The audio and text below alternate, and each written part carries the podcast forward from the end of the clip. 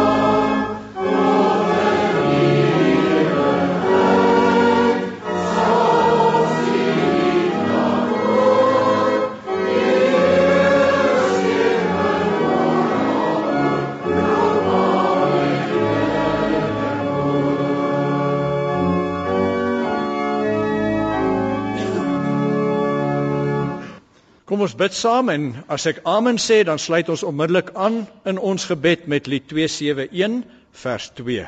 Ons buig voor die Here. Ons Vader wat in die hemel is. Dankie dat U vir ons hier bymekaar het in die gemeente en voor die radio om voor U te kom buig. Om ons afhanklikheid van U te kom erken.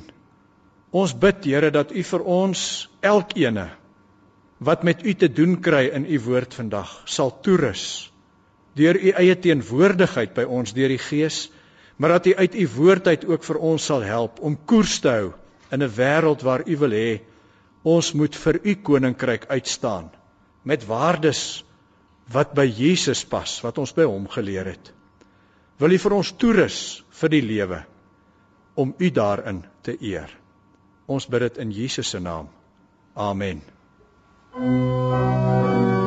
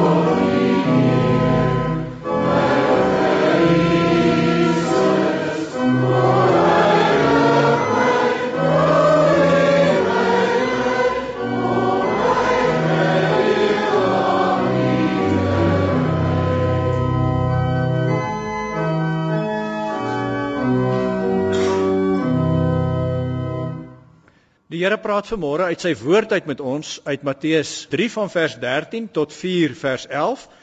Maar ons sal ook agterkom dat gereeld gaan Matteus 5 vers 1 tot 11 hierby inhak. Dit sal wel in die loop van die boodskap kom. Die tema vanmôre uit hierdie woord net weer 'n slag Jesus se koningskap toets is ook my en jou disippelskap toets.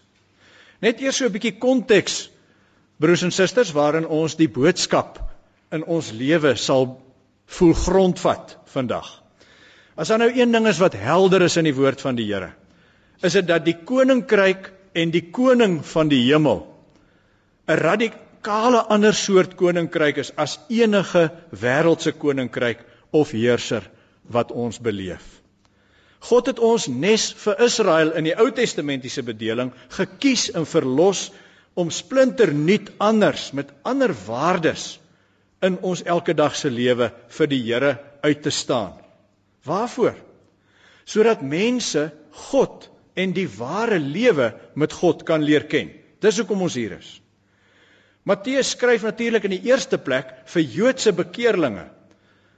So hier in die omgewing van 70 80 na Christus.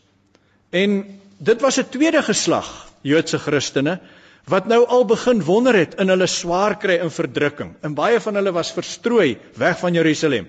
Hulle het begin wonder, was ons nie beter af toe ons sonder Jesus moes klaarkom nie. Hulle verwagting van die Messias was dat hy sou kom om vir hulle 'n aardse politieke ryk te lewer wat voorspoed vir hulle sou inhou. En nou gaan dit baie baie swaar.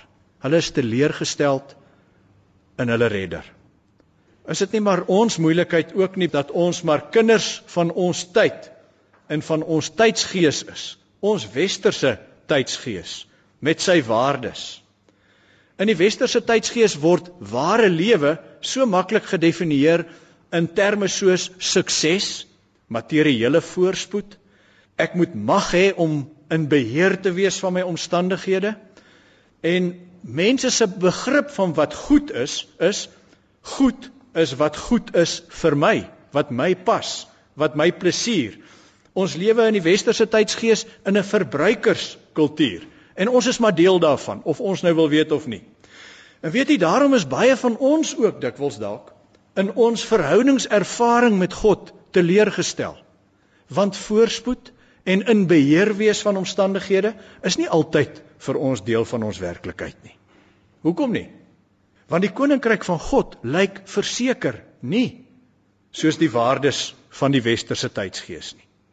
En ons as Christene, die kerk van die Here, is selfs maklik geneig om die waardes van ons tydsgees so te leef dat ons uiteindelik nie meer uitstaan vir die koninkryk van God op aarde nie. Waarvoor laat God vir my en jou lewe. Waartoe het Christus gekom om ons te verlos? Dit wil sê, wat is God se bedoeling vir ons lewe eintlik? Wat is die enigste sinvolle lewe wat ons hier kan maak? Kom ons lees hoofstuk 3 vers 16. Jesus is toe deur Johannes die Doper gedoop en het dadelik daarna uit die water gekom. Met eens het die hemel bokant hom oopgegaan en hy het die gees van God soos 'n duif uit die hemel sien neerdal en op hom kom. Daar was ook 'n stem uit die hemel wat gesê het: Dit is my geliefde seun, oor hom verheug ek my. Jesus gemeente is hierdeur God bevestig as die een Messias, die seun van God, die mens op aarde in wie hy sy blydskap gehad het. Die een wat die koninkryk van die hemel, die koninkryk van God op aarde kom verteenwoordig en laat deurbreek en vestig. Dis 'n goddelike aanwysing wat ons hier kry. In hom in sy hier wees by ons het die koninkryk van God vir ons grond gevat, aangebreek. Die koninkryk van God is by ons, Jesus. En nou, God se bedoeling met my en jou om Jesus te volg as mense wat in die kern van ons lewe een ingesteldheid, een visie het. Ek wil soos Jesus leef vir een ding, om God te verheug, om God te plesier om hom oor my betekenis vir ander mense in hierdie stukke in die wêreld bly te maak. Dis waarvoor ek hier is.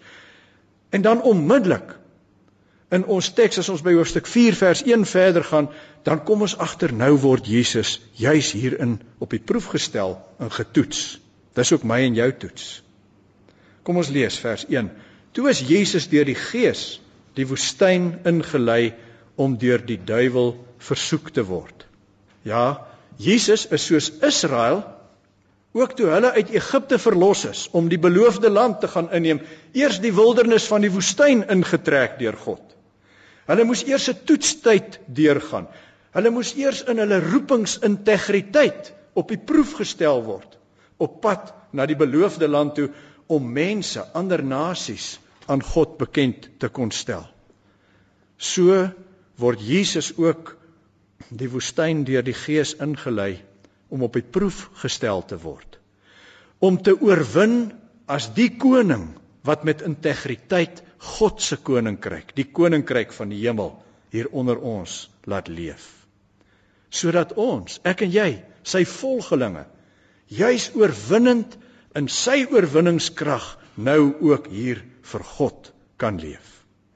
Om nie maar in ons tydsgees weg te raak nie maar om anders uit te staan sodat mense vir God se waardes, vir God self hier kan begin leef. Sy toets Jesus se is ook myne en joune, 'n oefenskool in die wildernis van ons lewe elke dag om ons sterk te maak vir sy koninkrykswerk. Wat is die toets? Kom ons lees van hoofstuk 4 vers 2 af. 40 dae en 40 nagte het hy niks geëet nie en naderhand het hy honger geword. Die versoeker het toe gekom en vir hom gesê: "As u die seun van God is, mens sou ook regtig kon vertaal terwyl u die seun van God is, sê hierdie klippe moet brood word." Maar hy antwoord: "Daar staan geskrywe: 'n Mens leef nie net van brood nie, maar van elke woord wat uit die mond van God kom." Daarna die, neem die duiwel hom na die heilige stad toe en laat hom op die hoogste punt van die tempel staan en sê vir hom: "As u terwyl u die seun van God is, spring af. Daar staan mos geskrywe: Hy sal sy engele oor jou opdrag gee en op hulle hande sal hulle jou dra sodat jy jou voet teen 'n klip nie sal stamp nie." Jesus sê vir hom: "Daar staan ook geskrywe: Jy mag die Here jou God nie op die proef stel nie. Toe neem die duiwel hom na 'n baie hoë berg toe. Wys hom al die koninkryke van die wêreld en hulle pragt en sê vir hom: "Dit alles sal ek vir u gee as u neerval en my aanbid. Maar Jesus sê vir hom: "Gaan weg, Satan, want daar staan geskrywe: Die Here jou God moet jy aanbid en hom alleen dien."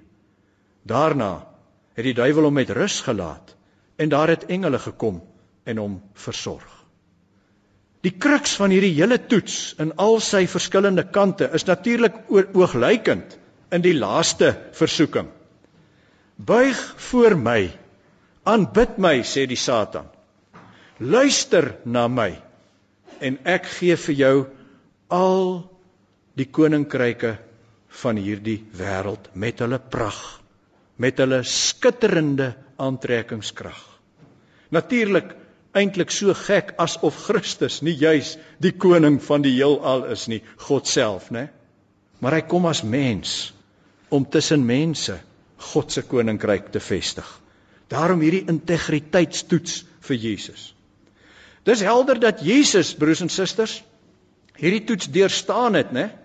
Hy het oorwinnend hier aanderkant uitgekom en daarom as Jesus in die bergrede in Matteus 5 veral sy volgelinge leer, ook vir ons, oor die leefstyl van 'n koninkrykskind, dan begin hy met die hart daarvan wat die kruks van hierdie versoeking omkeer. In hoofstuk 5 vers 3 leer die Here Jesus ons vandag wat môre vir hom daar in die klipharde wildernis koninkrykskinders gaan wees. Geseënd is die wat weet hoe afhanklik hulle van God is. Want aan hulle behoort die koninkryk van die hemel. Aanbidding buig voor een God.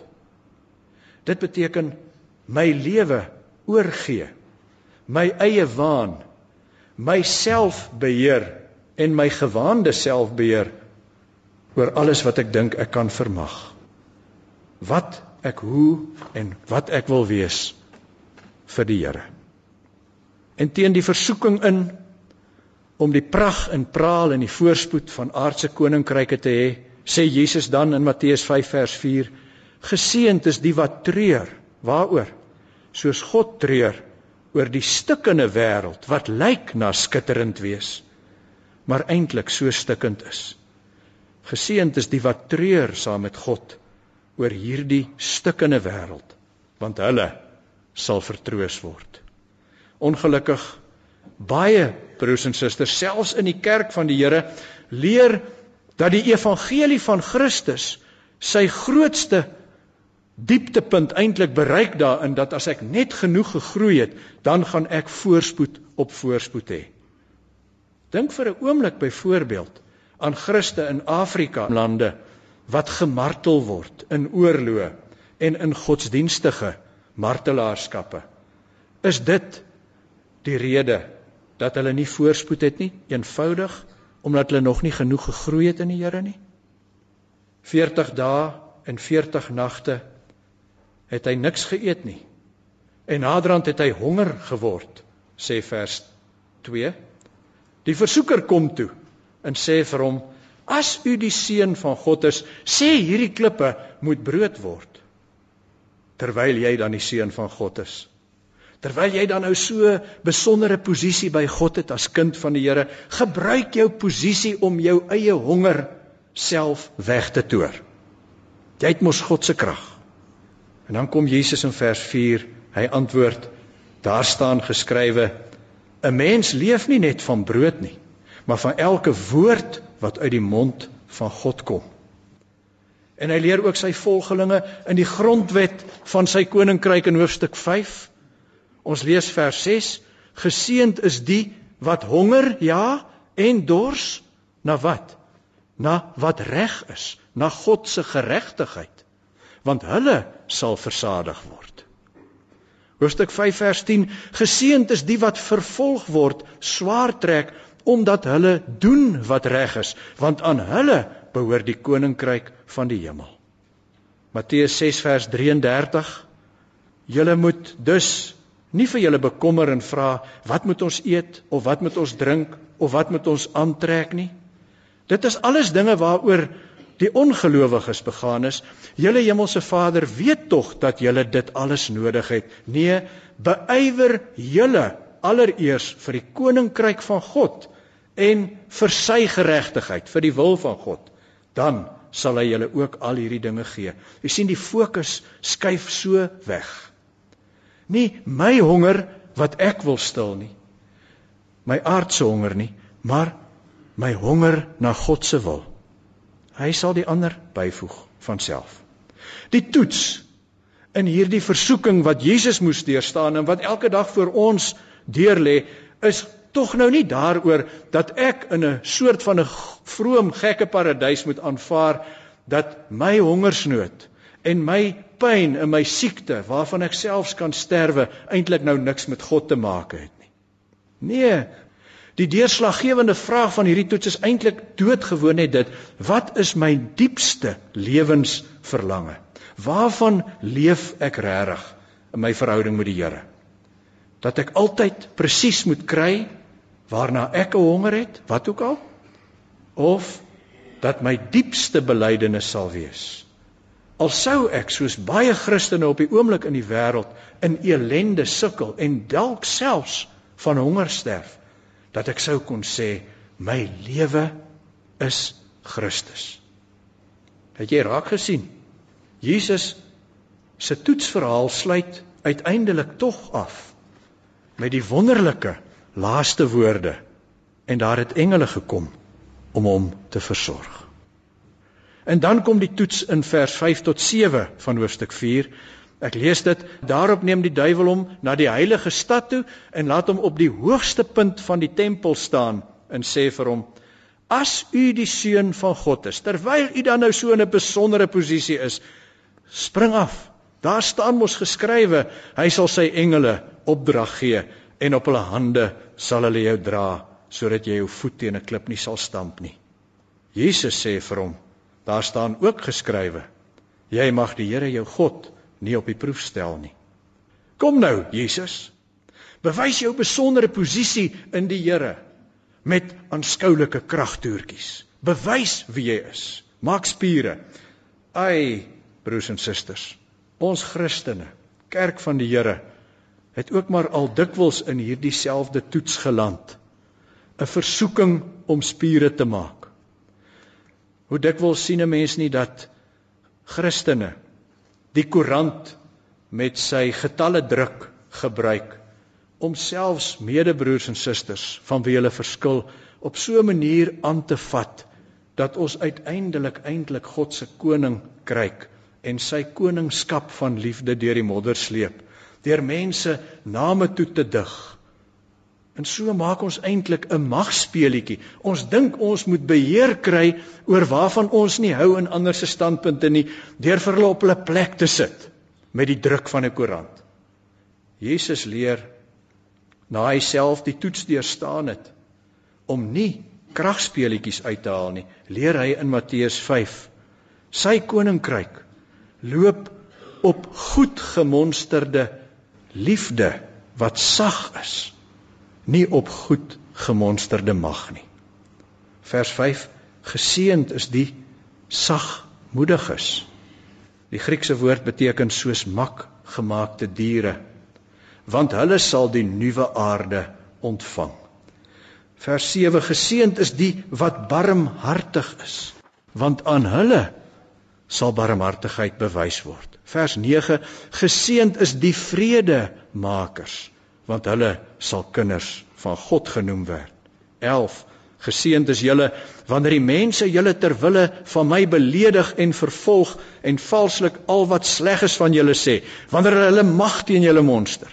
Wees bly en verheug, want julle loon is groot in die hemel. Hulle het immers die profete voor julle net so vervolg. Onthou broers en susters, Jesus het aan die kruis met presies hierdie selfde uitdaging gekonfronteer geraak. In Matteus 27 vers 39, die volgende: Die mense wat daar by verbygeloop het by die kruis, het Jesus gelaster. Hulle het die kop geskud en gesê: "Jy wat die tempel afbreek en in 3 dae oprig, red jouself as jy die seun van God is en kom van die kruis af." Dink vir 'n oomblik Wat sou gebeur as Jesus met sy goddelike mag tot sy beskikking en hy het dit gehad daar van die kruis sou afkom. Dit was juis van die begin af al hier in die wildernis toets waarvan ons gelees het die toets van sy integriteit waarvoor hy te staan gekom het. Koninkryk van die aarde skep met mag of koninkryk van die hemel met die opoffer van my lewe. Heers met mag of heers in God se liefde. Mag die Here vir ons elkeen genade gee om hier uit te stap as mense wat bidtend elke dag op die Gees ingestel is dat Jesus so in ons woon dat ons op 'n ander manier teen ons tydsgees en teen versoekings in Jesus se pad sal loop die koninkrykspad sodat mense God in ons leer ken kom ons buig saam in gebed voor die Here en ons bid hiervoor Here ons God help ons deur u gees dat Jesus so in ons sal woon dat ons in sy spore kan loop. Here bewaar ons van die versoekings van ons tydsgees wat van ons mense maak wat nie vir u koninkryk hier sal wees nie. Heer, hou my naby, volkome afhanklik van u, sodat ek net een lewenskoers sal soek om u bly te maak oor my hier wees. Heer, gee my gedurig u hartklop om saam met u te treur oor hierdie wêreld. Nie daarna te smag nie, maar dit juis in u naam 'n ander plek te wil maak. Gee my u sagmoedige liefde in deernis vir mense wat swaar trek, sodat hulle in my optrede, in my hand uitsteek, vir u sal leer ken. Heer, gee my 'n honger vir u goddelike geregtigheid in 'n omgewing waarin ongeregtigheid hoogty vier. Leer my om vol te hou met u waardes waar dit nie meer bestaan nie.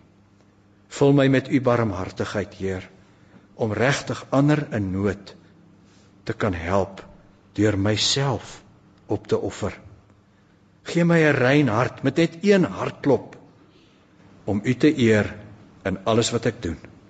Maak deur u gees in my 'n vredemaker los. Nie net iemand wat vrede soek nie, Here, maar wat in 'n vredelose omgewing 'n vredemaker gaan wees. Here, ek wil in u voetspore u koninkryk verteenwoordig in u krag. Leer my. Hou my naby u daarvoor in Jesus se naam. Amen. Ons sluit vanmôre af met lied 417, die eerste en die tweede verse. Kom ons sing dit heerlik loflik saam.